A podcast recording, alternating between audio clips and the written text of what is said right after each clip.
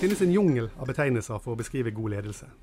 Vi hører om verdibasert ledelse, endringsledelse, etisk ledelse. Vi hører om relasjonsledelse, transformasjonsledelse osv. Men hva er egentlig god ledelse? Og hva kjennetegner en god leder? Dette skal vi forsøke å finne noen svar på i denne episoden av IA-podden. Mitt navn er Cato Lorentz, og med meg i studio så har jeg fått starttrener og tidligere landslagskaptein i fotball, Kjetil Rekdal. Velkommen skal du være. Takk for det. Og jeg har fått besøk av eh, en av landets mest anerkjente hodejegere. Frank Amundlien fra Selection Partner. Velkommen til deg. Takk, takk. Ja, da er det ledelse som er tema i denne episoden. Og eh, det er litt sånn at man ikke helt vet hvor man skal begynne når man snakker om dette, for det er et svært tema. Og da, eh, siden det er et svært tema, så tenker jeg å spørre litt stort. Og da spør jeg deg, Kjetil Rekdal. Sett fra ditt ståsted, hva, hva syns du er god ledelse? ja, det er ikke lett å forklare, men uh, det må jo Et punkt er jo at du, du, klarer å få det beste ut av alle. Uh, en åpenhet og en ærlighet må være der, og en god oversikt, selvfølgelig. Og så må du være flink til å, å forklare hva som kreves. Og så må du følge opp ting. Uh, hva skal jeg si mer? Nå kommer jeg på fotballen, og ting endrer seg fryktelig fort. Altså, Du spiller kamper hver tredje, fjerde, femte, sjette, sjuende dag. Ei uke så er alt såret vel, uka etterpå så er det ingenting som fungerer. Så du, du, du er nødt til å være tilpasningsdyktig til, til, virkeligheten. Og så er det noe som heter press der. Uh, det Trøkket utenfra eh, det blir bare større og større, så det må håndteres. også. Det, du har mange komplekse biter som skal passe inn i et uh, puslespill. Men hovedpunktet må jo være å få alle til å være best mulig. Ja, og det, det kommer vi litt tilbake til. Men jeg, men jeg lurer også på det. Du, du er starttrener nå, du har vært fotballtrener i mange år. Hvor bevisst er du din egen um, rolle som, som leder? For, for, for, organisasjonen, for Start, for, for de ansatte? Med livserfaring mer og mer. Ja. Det er klart du, du, gikk jo fra å være spiller sjøl til å være i utgangspunktet en veldig, eller ikke veldig, da, men en, en betydelig stor del egoist. For det måtte du være, du måtte passe på deg sjøl. Til å gå over i en lederrolle der du er nødt til å, å passe på alle. Uh, så det er en forskjell. Nå har jeg vært heldig og vært kaptein, så jeg har liksom vært litt i begge leirer i, i mange år. så men det er en krevende, krevende bit, da, for det at uh, samfunnet utvikler seg. Det er Personligheten til uh, spillerne først og fremst har endra seg fra hvert femte ti, ti år og oppover. Så jeg må ærlig innrømme det at sånn som vi leder et lag nå, så gjør jeg det på en helt annerledes måte enn for ti år siden f.eks. Mm. Ja, og det, også, det, er interessant å høre. Vi har, vi har også med oss Frank Amelien, som sagt. og du, du, hører jo her Kjetil Rekdal snakke om, om ledelse og, og hvor, hvordan han tenker rundt sin egen rolle som leder. Men, men, du, hva er god ledelse for deg? Det er interessant å høre på, på Kjetil, og han mm. er jo leder i en av de kanskje vanskeligste bransjene å lede i. Uh, så, men, men, men god ledelse, uh, det kan vi tror jeg diskutere i timevis. Mm. Uh, det er egentlig mye enklere å si hva som er en god leder. Ja. For det er ifølge meg veldig enkelt. Det er en person som, som, sørger for at virksomhetens eller organisasjonens mål nås. Mm. Så finnes det mange måter å gjøre det på, og det regner jeg med vi skal komme grundig inn på i denne sammenhengen. ja, absolutt. Og, og, da er det fristende å spørre deg, Kjetil Eital.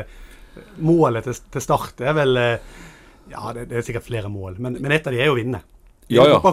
Fotballkamper. Ja, vinner nok fotballkamper. ikke sant? Men så, er, altså, det er jo ikke så enkelt heller, for du konkurrerer ikke med like vilkår. Eh, ikke i fotball iallfall. Du har klubber som har bedre økonomi og kan få inn eh, mer kvalitet og, og større kompetanse pga. økonomiske ressurser, selvfølgelig. Eh, men så er det noe som kalles for utvikling. da. Eh, for meg som ofte blir spurt om hva vinnerkultur er, så er jo noen som tror at det er den som er øverst på tabellen, er den som har best vinnerkultur. For meg er vinnerkultur dem som får mest mulig ut av sine ressurser. Eh, om du da havner midt på tabellen eller akkurat unngår et nedrykk eller hva det er for noe, det er for meg betegnelsen på, på vinnerkultur. For det er jo noen som har et bedre utgangspunkt enn andre. Uh, så det er ganske komplekst, dette her. Men som sagt, det handler om å vinne fotballkamper flest mulig, uh, og best mulig. Uh, hver eneste uke. Og, og, som jeg sa, og her er du avhengig av utrolig mange faktorer. For det er mennesker, mange mennesker som skal fungere sammen. Og så har du andre avgjørelser som kan påvirke her. Du har, eh, Uten at vi skal kritisere noen for det, men du har en, en, en dommertrio eller en, som kan ta avgjørelser som, som, påvirker resultatet, uansett hvor god det har vært sjøl. Så du kan bli snytt for ting uten å være skyldig i det, og andre ganger så kan du få ting uten at du egentlig fortjente det. Så, så har du noe med flaks og marginer oppi det her. eh, Psykologien hos mennesker som endrer seg om du leder kamp eller ligger under kamper, som påvirker prestasjonen. Så her er det, det jeg er enig med, med den andre gjesten her, Frank, at det, det, det, er så komplekst at det er vanskelig å sitte og peke på eksakte ting. da.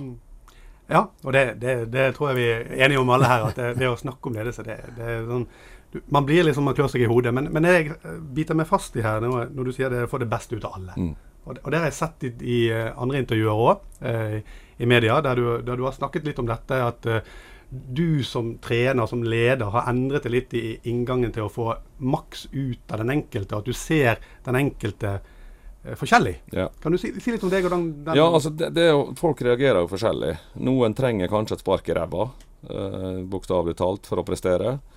Andre trenger mye skryt og kos og trygghet eh, for å prestere. Og, og, og, For å finne ut dette der, så kan du Du må bruke litt tid på det. ikke sant? Du kan tro at du gjør rett, og så gjør du feil. Eh, og så Jeg har jo ikke tro på det hvis det blir for trygt heller, for da, liksom, da stopper egentlig utviklinga litt opp. Du må ha et visst ubehag og et visst press der, men du må ikke la dra det for langt heller. da, For hvis du føler ubehag og for stort press, så blir du redd, og da blir du feig, og da tør du ikke. Så du må liksom være litt fremoverlent uh, oppi alt dette her og, og, og, ta sjansen når du har den, og ikke skyve ansvaret videre. og det individuell idrett så er du veldig avhengig av det sjøl. Da er det ingen du kan uh, lene deg på hvis du sliter. Men i lagspill så kan du kanskje gjøre det noen ganger. Så da er det om å gjøre at, det, at folk stiller opp da når de har muligheten. Mm. Og det er jo sånn i fotball at noen helger så er det én eller to som avgjør en kamp, og så helga etterpå så er det to-tre andre som gjør det. Og, og, hvis du klarer å få det til å rullere litt på det, så, mm. så kommer du langt. Mm. Ja.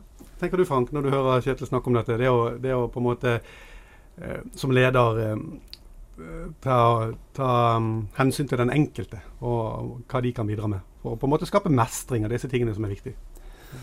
Det, det, er helt sentralt, det. Ja. Jeg var på, på, fisketur i går, og han yngste, sammen med han yngste sønnen vår, og så spør jeg han, da, han er 22, hva han syns liksom god ledelse, hva er det?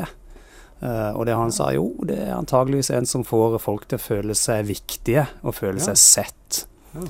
Uh, og jeg tror den balansegangen innenfor uh, Kjetils Bangsjø kan uh, være vel så viktig der. også tror jeg han og veldig mange andre ledere, og jeg tror mange ledere i næringslivet og i det offentlige, kan lære mye av idretten, spesielt i forhold til to ting. det ene går på det med mestring. Linda Lai ved BI f.eks., som kan mye om ledelse, kanskje en av de som kan mest om dette i Norge. Uh, advarer jo egentlig mot å overføre prestasjonskulturen i idretten over på, på næringslivet f.eks.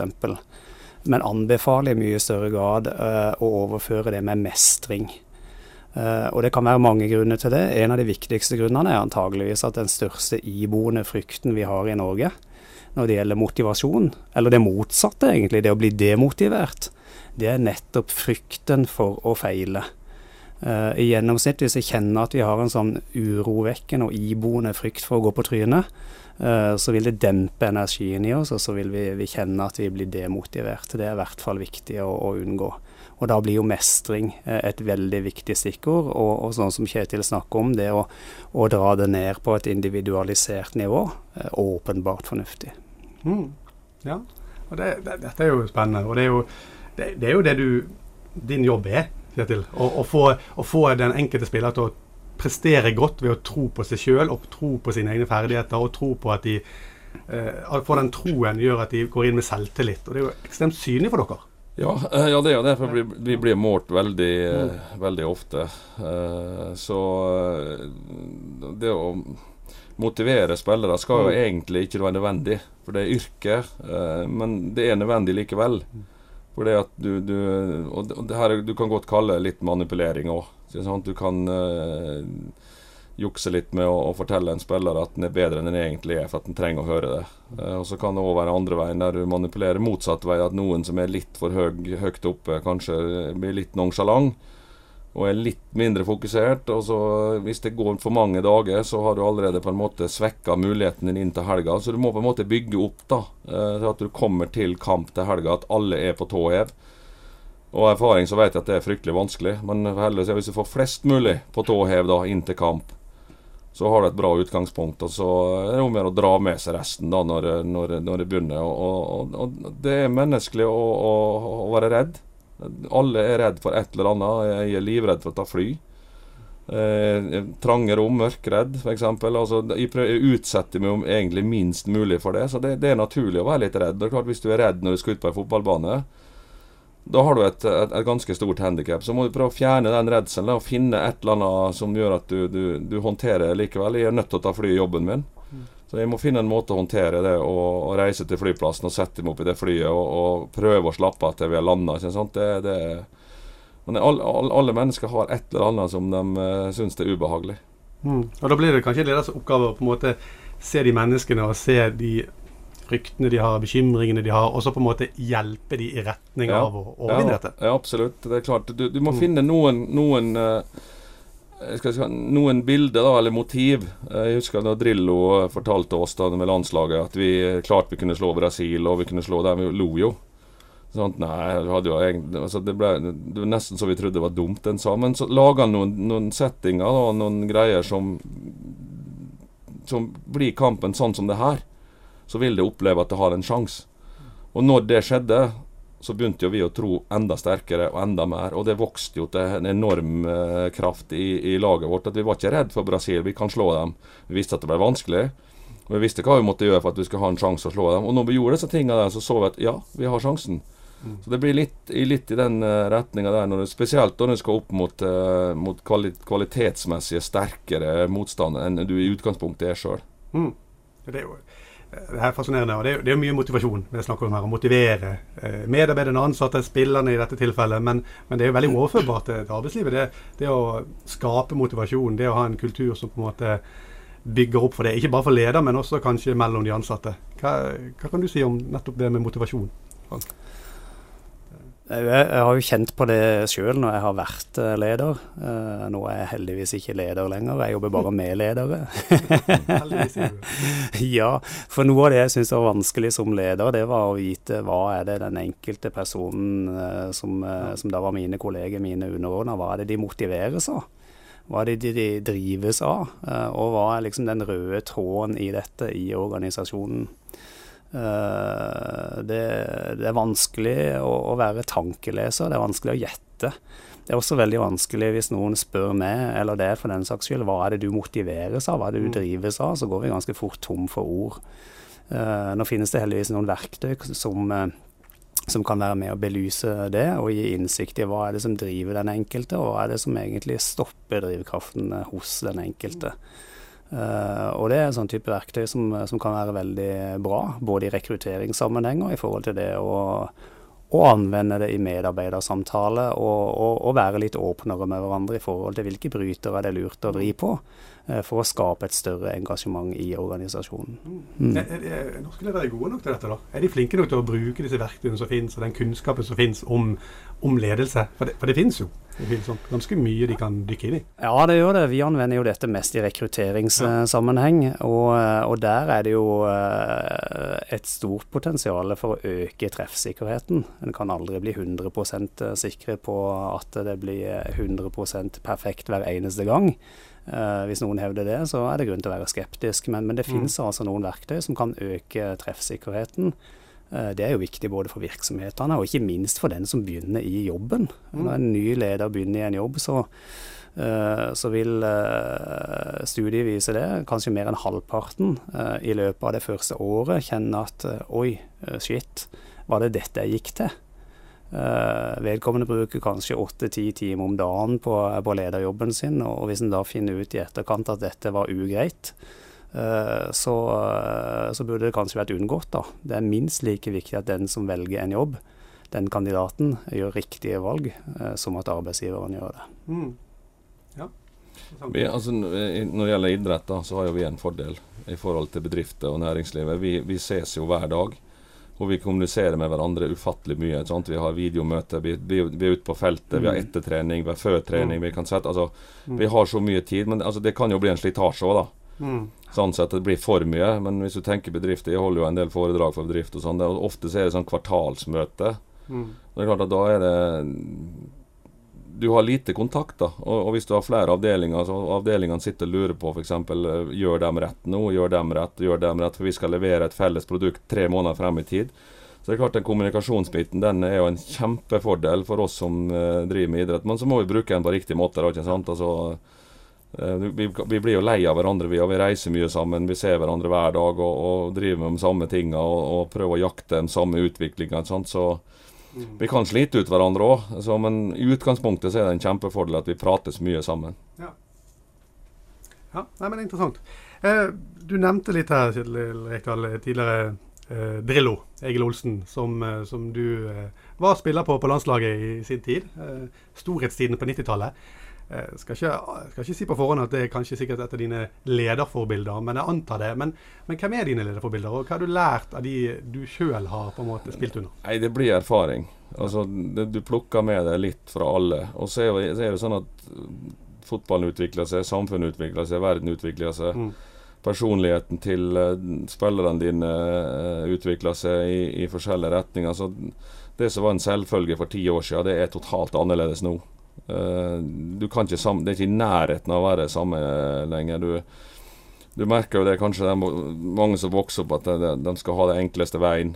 De er ikke så spesielt gira på å jobbe like hardt kanskje som andre. Det, det, det ordner seg bestandig. Altså, men det, gjør ikke det. Du, du må ha den gjerrigheten i bånn. Og Jo tidligere du lærer den, jo, jo bedre er jo det. Så det, og Sånne ting påvirker resultat, for det blir veldig ustabilt da, hvis at du flyr opp og ned i humør og i uh, atferd etter, etter resultatet. Du, du er nødt til å ha en stabilitet der med minst mulig svingninger i, i uh, sanne ting, da, vil jeg påstå. Begynner du en kamp, så skal du selvfølgelig være kjempeglad over det, men det kan liksom ikke gå over støvleskaftet. Og taper en kamp, så kan du heller ikke grave ned.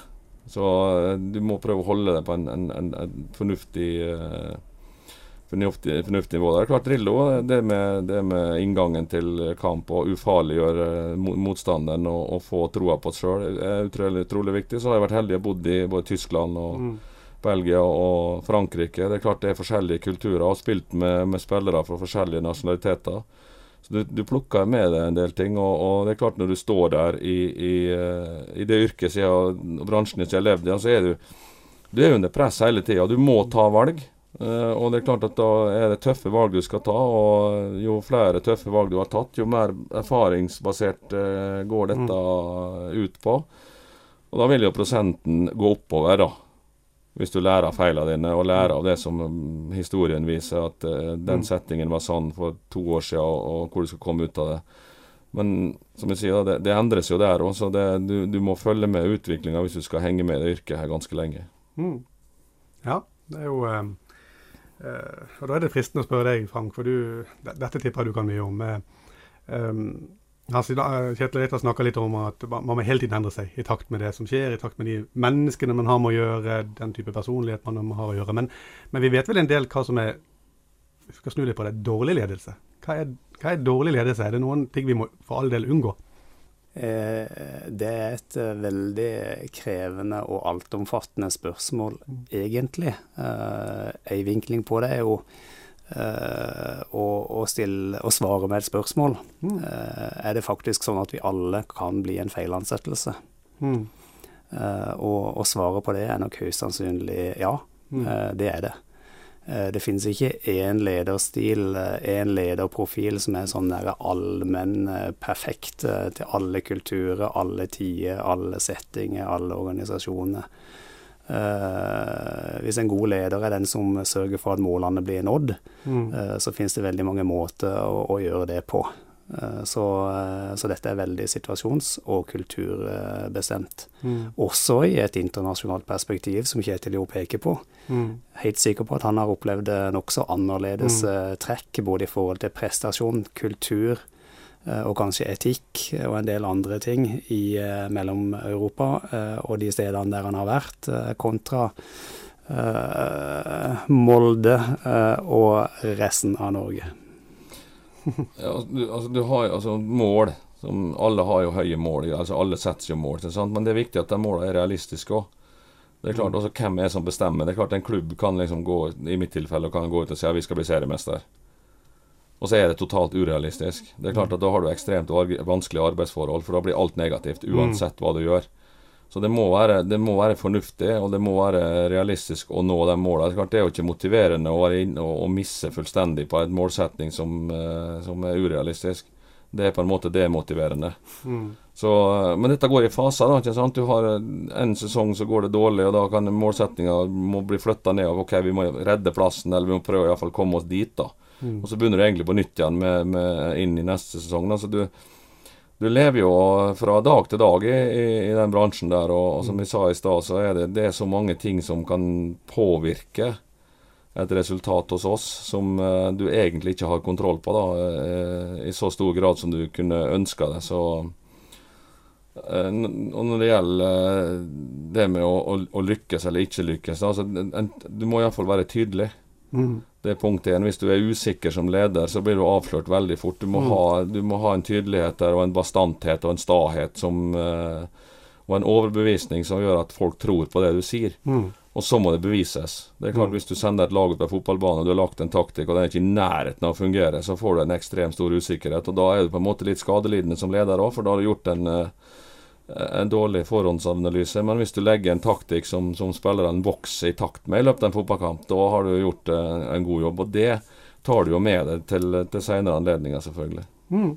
Ja, og det, det, er interessant. Og det er jo, uh, og det, det, er jo Uansett om det er på en arbeidsplass og de ansatte eller du har medarbeidere under deg, eller om du har fotballspillere som skal prestere, så, så er det mennesker du har med å gjøre. Men, og de skal behandles ut ifra det vi har snakket om nå. Men har du, har du Kjetil, gjort um, noen feil eh, som, som, som, leder, som trener opp gjennom årene. Som, ja, på en måte har, som har definert eh, og kanskje endret deg? Ja, dessverre så har jeg gjort det. ikke sant? Men det, det, det, er utrolig viktig at du lærer av det. da, At du ikke gjør det samme feilen opp igjen. Altså, som vi sa i stad, spillerne er ulike.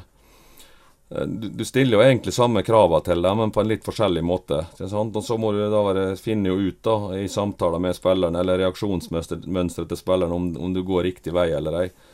Å sette en spiller som fører ubehag, og legge enda mer press på han, det er feil vei. Du må, du må gå andre veien med han. Men en, mens en spiller som er litt, uh, litt for sikker på seg sjøl og, og, og, tar litt for lett på ting, han må kanskje presses litt hardere, så at han kommer seg over den kneika der. så men der er det, det, det er mennesket. Du, du, du, ser ikke inn i huet på dem uh, og hva de tenker, så du må grave ganske djupt, ganske lenge hos enkelte for å få til det. Og så er det jo resultatene dine, da, det som skjer ute på banen, som blir avgjørende om du klarer å få det til eller ei. Mm. Det, det, det, er mange som, som opp, opplever å knekke en kode og plutselig blir 30 bedre, f.eks. Mm. Og så er det andre som jobber i årevis og står på stedet hvil. Så det er veldig komplisert uh, yrke. Og, og, så er det, det er alltid fare for en viss slitasje. ikke sant? Mm. Stiller du harde krav og, over lang nok tid, så kan det oppleves veldig negativt, det. Og så Mm. Du må finne en gylne middelvei på en, på en annen måte. Mm. Og, og, og, da er jo jeg, jeg vet ikke om du, du husker konkrete episoder, men det, det, har jo vært noen steder der du gjør et kjapt Google-søk på deg, Kjetil Rekdal, så kan du se episoder som har vært i media, selvfølgelig. Eh, en av de var i 2006, når du var Vålerenga-trener, som, som, er dukket over. Som er veldig interessant, nettopp fordi da hadde dere tapt for Fredrikstad i en, en, viktig kamp, dette husker du sikkert. Og, og det var noen uttalelser i media rundt eget lag, egne spillere, mm. egen posisjon, som en del ledelseseksperter kom på banen i, i en sak i Dagbladet og, og, ga deg stryk. Ja. Kan du ta oss med litt jo, tilbake? Altså, jeg, jeg, har jo forståelse for det, men eh, jeg, jeg, har jo hatt mange diskusjoner med, med mange rundt der. Det er, mm. altså, i, et, i, i, næringslivet eller bedrift er totalt annerledes enn inne i fotballgarderoben. Vi, vi må ikke sammen, tro at det er likt. Men jeg skjønner at de reagerer på det. Eh, og, og, Grunnen til at det gikk så langt, da, det kan jeg være ærlig på nå, da hadde vi underprestert i lang tid. Vi, vant, vi var seriemester året før. Vi hadde masse trøbbel gjennom vinteren. Eh, mange av eh, guttene levde på, altså hvilte litt på laurbæra, levde på det som de hadde prestert. Og kurven gikk nedover, så det var på en måte en desperat eh, handling for å mm. vekke litt uh, omgivelsene og oss sjøl. Uh, og da du kan du si at, og selvfølgelig er det frustrasjoner, for du har kanskje prøvd over lengre tid å få lima sammen ting igjen og få det til å, å gå andre veien igjen, men det, det, gikk egentlig bare ned og ned og ned. og ned. Mm. Så, og vi var, vi tror vi var sist på tabellen i. Mm. Et uh, x antall kamper inn i en ny sesong. Du vant, vant, serien året før, og det var ikke helt eksakt det samme mannskapet, men det var nesten det samme mannskapet. Så bare på tre-fire måneder så gikk vi bare best til dårligst. Og det er klart, det er jo en grunn til det. Og Det var den jeg prøvde å provosere frem. da, og Så kan jeg helt sikkert si om det var riktig måte å gjøre det på, eller om vi skulle gjort det internt eller sånne ting. Men eh, det er bedre å, å gjøre ting og angre på det enn å ikke gjøre ting og angre på at du ikke gjorde noe. for å si Det sånn. Det, det er litt motto jeg har prøvd å håndtere sånne ting på. Så blir du kanskje litt mer rundere i kantene med åra og ikke like krass. da. At du er litt mer fornuftig i måten du formulerer ting på. Jeg har iallfall prøvd å, å etterleve det den senere tida. Mm. Og det, det, det, er interessant, og da har jeg lyst til å høre med deg, Frank. Um, for, for, det han er litt inne på her nå, er at man, man, man, gjør, man tar en del valg ut ifra den gitte situasjonen i den tiden. og Det, det gjorde han her med disse uttalelsene som vi, han snakker om. Og så snakker han om at man, man lærer av det. Uh, man lærer av sine feil. Man lærer av uh, Og det har vært igjennom noe. Mm. Og, og, da har jeg litt lyst til å kaste ball til deg i forhold til det å De som er ledere nå, hvor stor mulighet er det for de å faktisk utvikle seg, bli bedre ledere? For du har andre her, til og med her på Sørlandet, som har sagt at lederkurs og det å utvikle seg som leder, det er nesten umulig. Eh, fordi man er født til det. Man er skapt til å være leder. Eh, hva tenker du om de tingene? Kan man, kan man lære å bli en bedre leder? Tja. Tja. Det er et godt og tydelig svar, sikkert. Kan du utdype? ja, jeg kan prøve.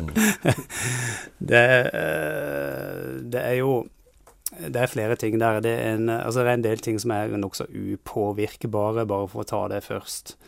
Uh, det er jo noen sånne generiske trekk som er, er viktig for å, å, kunne lykkes som leder. Um, et område handler om intellektuell kapasitet litt folkelig sagt, sviver prosessorene mellom ørene er, rimelig raskt, eller, eller, går det litt treigt? Eh, det er det fint lite å, å, å gjøre noe med. Eh, virker det bra i, i, den menneskelige harddisken, så virker det bra, og det er nokså upåvirkbart. Eh, gode ledere bør ha en høy intellektuell kapasitet, fordi de ofte må håndtere komplekse og parallelle oppgaver under tidspress. Og har du gode evner til å håndtere det, så vil du lykkes bedre enn andre.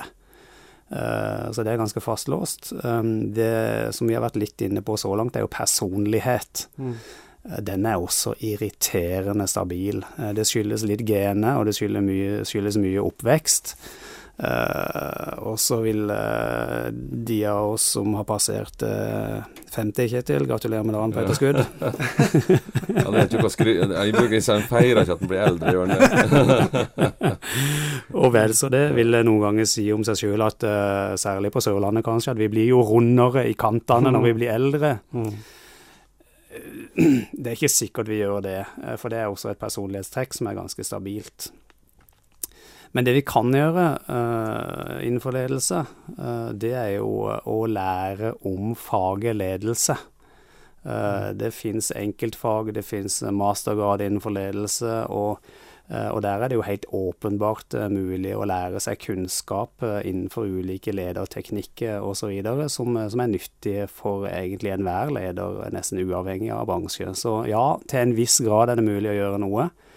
Eh, men at noen skal klare å svinge tryllestaven og gjøre en, eh, en passe dårlig leder om til en himla god leder over natta, neppe. Og det er interessant. og det, det får meg litt lyst til å spørre deg, Kjetil Rekdal, i forhold til eh, du, du har jo vist lederpotensial tidlig, vil jeg si. Fordi det må jo være en grunn til at i din tid, Drillo Egil Olsen, valgte deg som landslagskaptein. hva tror du er årsaken til at du fikk den rollen? Ja, Nå var jo ikke i det alene, det var, jeg var jo bare noen ganger. Ja. Uh, nei, men altså, jeg, jeg, vokste opp med, og jeg er eldst i, i søskenflokken. Jeg hadde ansvar tidlig. Uh, fikk uh, lov til å ta ansvar tidlig. Jeg har ikke problemer med å fortelle at jeg fikk lov å kjøre Nå bodde jeg på en liten bygd, og det var ikke en bil på veien, så jeg fikk lov å kjøre bil før jeg hadde lov. Jeg kjørte traktor lenge før jeg hadde lov. Men det var altså Jeg, jeg drev ikke med slik tullfære, da, eller hvis du skjønner hva jeg mener. at mm Eh, jeg var veldig forsiktig, så jeg var mitt ansvar bevisst. Det er klart du vokser på, uh, på sånne ting, uh, og ble stilt krav til at ja, du skal få lov hvis du gjør sånn. Og da må du vise den lojaliteten, da. at du kan håndtere det ansvaret du får eldst i, i, søskenflokken og passe på brødrene dine og, og søsteren min, som var mange, mye yngre enn meg, for så vidt. At, at du håndterer det, og likte det òg. Da har du egentlig en, en, god start med akkurat det å, å håndtere sånne ting. Og da er det klart at du er du vant til å ta valg. Eh, du er vant til ansvar, og du er på en måte å bli vant til å håndtere press. da. Fordi at du vet at det står og faller mye på den avgjørelsen du tar. Og da er du ikke nonsjalant når, du- når du har så mye ansvar. Da er du veldig bevisst på at du, du velger riktig så godt som overhodet. Du vil jo bli gjort feil der òg, men eh, jeg, bruker bruk, pleier å si det. En trener som velger 50-50, han er middelmådighet. Eh, En trener som eh, er under 50% på valgene sine, han er dårlig. Mm. Og når du begynner å snakke om at du kommer opp på 70-75 da begynner du å, å bli meget, meget dyktig. 100% er umulig, for da må du være synsk. Mm. Så det, det, det er sånne ting jeg måler meg sjøl opp mot, da. Eh, egentlig hver dag. Når jeg er Mm. ferdig med dagens jobb, så tenker du gjennom hvordan ble det oppfatta. Hvordan var tilbakemeldingene du ga?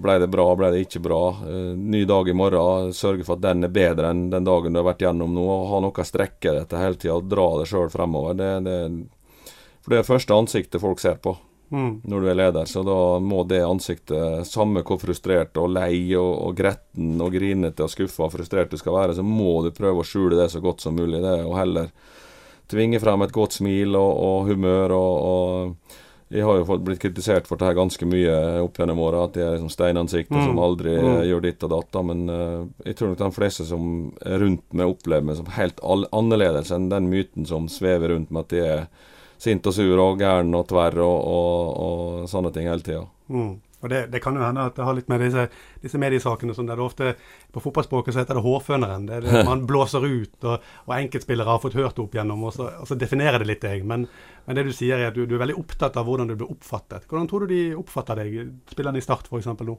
Er det En streng. streng? Streng og, og um, veldig tydelig. Um, og um, ja, tillitsfullt, tillitsfull, tror jeg vil si, og ærlig, ærlig. Først og fremst ærlig med dem. Altså det, det Mm. å, å, å, å lyge til noen eller love noe som de ikke kan holde, det, det, det er galskap. Du, du må være ærlig. eh, Så stille krav til dem og si at dette her må du utvikle. Klarer du å utvikle det, så får du sjansen. Og, og da må du følge opp det. Ikke sant? Og så må du hvis, Du skal jo ta valg her, og hvis det er 50-50 mellom to spillere over lang tid, og du velger konstant den ene, så blir det feil. Du må, du må gi han spiller nummer to og en fair sjanse. Så presterer han bra, så må han stå inne der. Det, det, du må lage en sånn forståelse for at her er det muligheter for alle. eh, og prestasjonene er det avgjørende, og ikke andre ting enn en, en det. da, så Men igjen, da, det er ekstremt krevende. Det, å gjøre rett hele tida her, det, er egentlig umulig. Mm. Eh, Frank, gjentatte ganger så har Kjetil Rekdal snakket om tydelighet. Tydelig, tydelig, vær tydelig. Mm. Og hvis man leser en del ledelsesteoribøker, så tror jeg du, det ordet kommer igjen ganske mange ganger også. Mm. Og jeg tipper det er høyt på listen når dere rekrutterer ledere. Eh, det å være tydelig uansett hva organisasjon man er i, om det er et fotballag eller i forhold til målsettingen i forhold til arbeidsoppgaver. Er ikke dette kjempeviktig? Eh, Ledende spørsmål, men Svaret er ja. ja, men det med, med kommunikasjon, eh, og det å kommunisere på en måte som gjør at den blir forstått, at budskapet blir catcha så riktig som det var tenkt eh, avsendt, eh, det er jo helt, helt sentralt. Og så er det en motsats i forhold til det. I intervjusammenheng så, så vil det ofte Dessverre, eh, i hvert fall hvis intervjueren er utrent, eh, så vil det ofte, og dessverre som sagt, være sånn at den som snakker mest, har en større sjanse for å få jobben. Og det finnes også en slags eh, misforstått forståelse hos mange om at en ekstrovert eller utadvendt leder er en bedre leder enn en som er introvert. Det finnes ingen forskning som understøtter det. Eh, Så, så det å, å kommunisere tydelig, eh, det er ikke det samme som å kommunisere med, med mange ord. Og så er Kjetil inne på flere andre elementer her som, eh, som er relevante i, i ledersammenheng. Det ene går på at de som er ledere, altså de har noen personlighetstrekk som avviker litt fra andre. Ikke fundamentalt, men det er noen forskjeller. Eh, Og en av forskjellene går på det som, eh, som i teorien høres ille ut, eh, men jeg skal prøve å forklare hva det mener. Det går på å være kontrollerende. Det høres kanskje litt tysk eller litt sånn eh, ovenifra og ned ut, men, men det går på å, å være den typen som, eh, ja, som kanskje er eldst i søskenflokken, da, som du var inne på, Kjetil. Eh, som tar ledelsen, som blir kaptein på laget uten at han liksom på død og liv må være det. Eh, være hun i klassen som blir eh, tillitsvalgt. tar ta verv. Uh, søke seg en lederjobb og, og, på en måte være den naturlige teamlederen i, uh, i jobbgjengen, eller i vennegjengen for den saks skyld. Uh, en annen ting som, som, han har vært inne på, er jo det med, med beslutningsevne. og ledere er gjennomgående noe mer opptatt av å fatte beslutninger både oftere og litt raskere enn folk flest. Eh, Kjetil Røkke Nei, Kjell, Kjell Inge Røkke. han har vel sagt at det, som, eh, det eneste som er verre enn å, eh, å fatte en feil beslutning, det er å ikke fatte en beslutning. og det er sikkert spissformulert, men, men, jeg tror de fleste av oss skjønner hva, hva det handler om. det siste poenget, eller og egentlig området da, som ledere avviker litt fra andre på, det er det med å være strategiske hvis vi tenker bil, eh, nærlys, fjernlys, eh, så har ledere oftere fjernlysene på. Mm.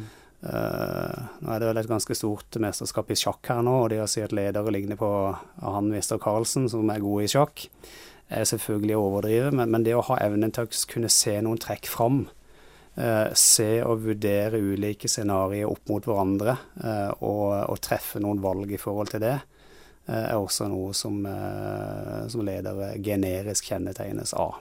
Ja, mm. det er interessant. Og det, Kjetil Rekdal, da må jeg spørre deg. Nærlysene som jeg ser for meg her for deg, må vel være en kamp mot Haugesund om en to ukers tid for ja. å beholde plassen. Men, men, klarer du samtidig å, å, få spillerne og de i start, organisasjonen Start å tro på det fjerde nå, det store målet, det langsiktige målet? Klarer man det parallelt? I en sånn Jo, men jeg tror det, i, i den settingen vi er nå, så må vi legge det bort.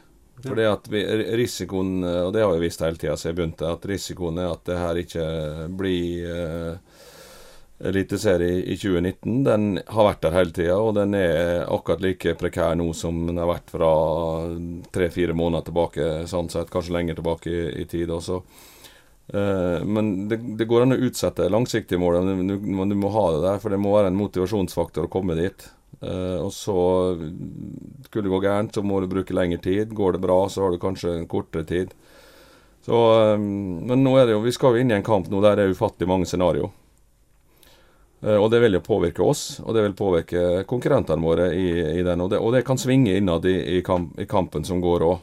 At på et tidspunkt så er du nede, altså på nedrykk, og så i neste øyeblikk så er du på kvalik, og, og i kanskje et øyeblikk så er du på trygg plass òg.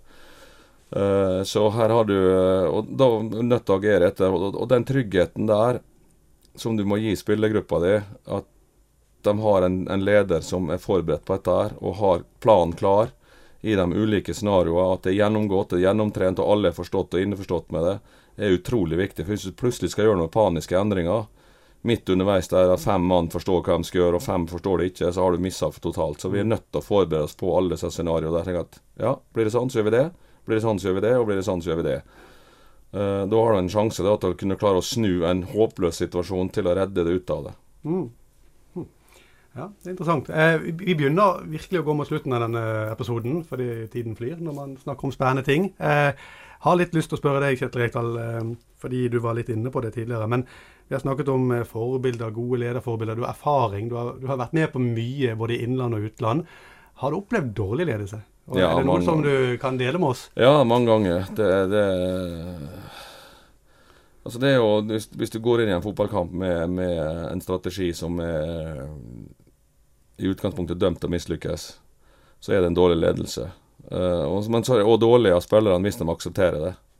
Jeg har jo vært den der nå uh, Jeg skal ikke kalle det for provokatør, men uh, hvis jeg ikke har vært enig, mm. så har jeg sagt fra før. Uh, vi hadde et eksempel. Vi skulle spille en bortekamp i Bundesligaen mot uh, Hamburg med Hertha Berlin. Hadde gjort det bra en periode, og da kom jo han treneren vår med en sjuk idé om at han skulle endre på ting for at han trodde på at det skulle ordne seg. Uh, og vi var egentlig veldig negative til det, for nå hadde vi opparbeidet oss en viss stabilitet, da endelig. Og da ville jo han kjøre det opplegget, da. Og jeg husker vi hadde sånn middag kvelden før kampen, og da spurte han om vi hadde troa på dette, så sa jeg nei. Og da ble han skikkelig forbanna. Så når vi skulle ha spillemøte dagen etterpå, etter frokosten, så gikk vi en tur i skauen, og han prata med andre spillere. Så tenkte jeg at nå setter han meg jaggu meg ut av laget. Han gjorde ikke det, da. Nei. Men vi spilte på samme måten. Han hadde ombestemt seg da over natta at vi fortsetter med det opplegget vi har gjort, og så vant vi 4-0. Det tror jeg er den beste bortekampen vi spilte det året. Eh, så ja, du kan godt si at de demonstrerte litt mot hans uh, tankeganger. Og det var jo egentlig litt sånn i begynnelsen av sesongen òg, for vi spilte på en måte som gjorde oss veldig sårbare og tapte kamper så det grein etter. Da ble jeg bytta ut en kamp, for han var misfornøyd med meg, og det var helt greit. Uh, så tok jeg og kasta kapteinsbindet i bakken, og da peip jo selvfølgelig 50 000 tilskuere i Berlin og ville egentlig sende meg en flaskepost hjem til Norge, for så vidt. Og det var store skriverier i, i uka. så Fikk en kamp karantene. Eh, de dro til Stuttgart, tapte igjen, 4-1. Og så begynte media å snu litt på det. da, liksom, Det kan jo hende at han har noe ved seg, det han sier. Han har jo tross alt spilt 75 landskamper for Norge og, og har en ganske stor karriere. og Så ble det dreid litt opp, og så begynte, spilte vi den kampen etterpå akkurat sånn som vi ville at vi skulle gjøre. Da vant vi seks kamper på rad, og den sjuende kampen spilte vi uavgjort. Så det, etter det så Du kan godt si at det var stahet og galskap. Det var, jeg var på en måte i opposisjon, men det var liksom det, og det var, Jeg var ikke den eneste. Vi var mange på det laget, men noen måtte ta den smellen for at vi skulle få endra det, ellers hadde det gått gærent. Så ja. Det, jeg har vært borti det, kan jeg si sånn sett. Men du, du, du har et ansvar som spiller òg. Altså, hvis, hvis, du går utover på en fotballbane ukomfortabel og ikke har troa på opplegget, så har du tapt. Da må du ta den fighten før du går på banen. Og så at alle er komfortable. Ja. Det er det, er, jeg, jeg, tror vi skal la den historien her, for den var såpass god at uh, vi lar den være siste ord. Uh, er du enig med lederen din, så si ifra. Uh, kan det være en slags konklusjon her? Jeg vet ikke, jeg. Men, men uansett at man tør å utfordre det etablerte, i hvert fall. Og, og, og, at man har noen som står frem, det er viktig. tusen takk, Frank Amund Lien, for at du kunne være med oss i, i denne episoden av IA-podden. Bare hyggelig. Og tusen takk til deg, starttrener Kjetil Rekdal, for at du tok til tid i en travel eh, terminlisteprogram, holdt jeg på å si. Det, det er tøffe tider nå. Ja, det, det er det. Men det, vi har valgt den bransjen her, og da vet du at det går opp og ned. IA-podden er tilbake allerede i desember med en ny episode. Vi høres da.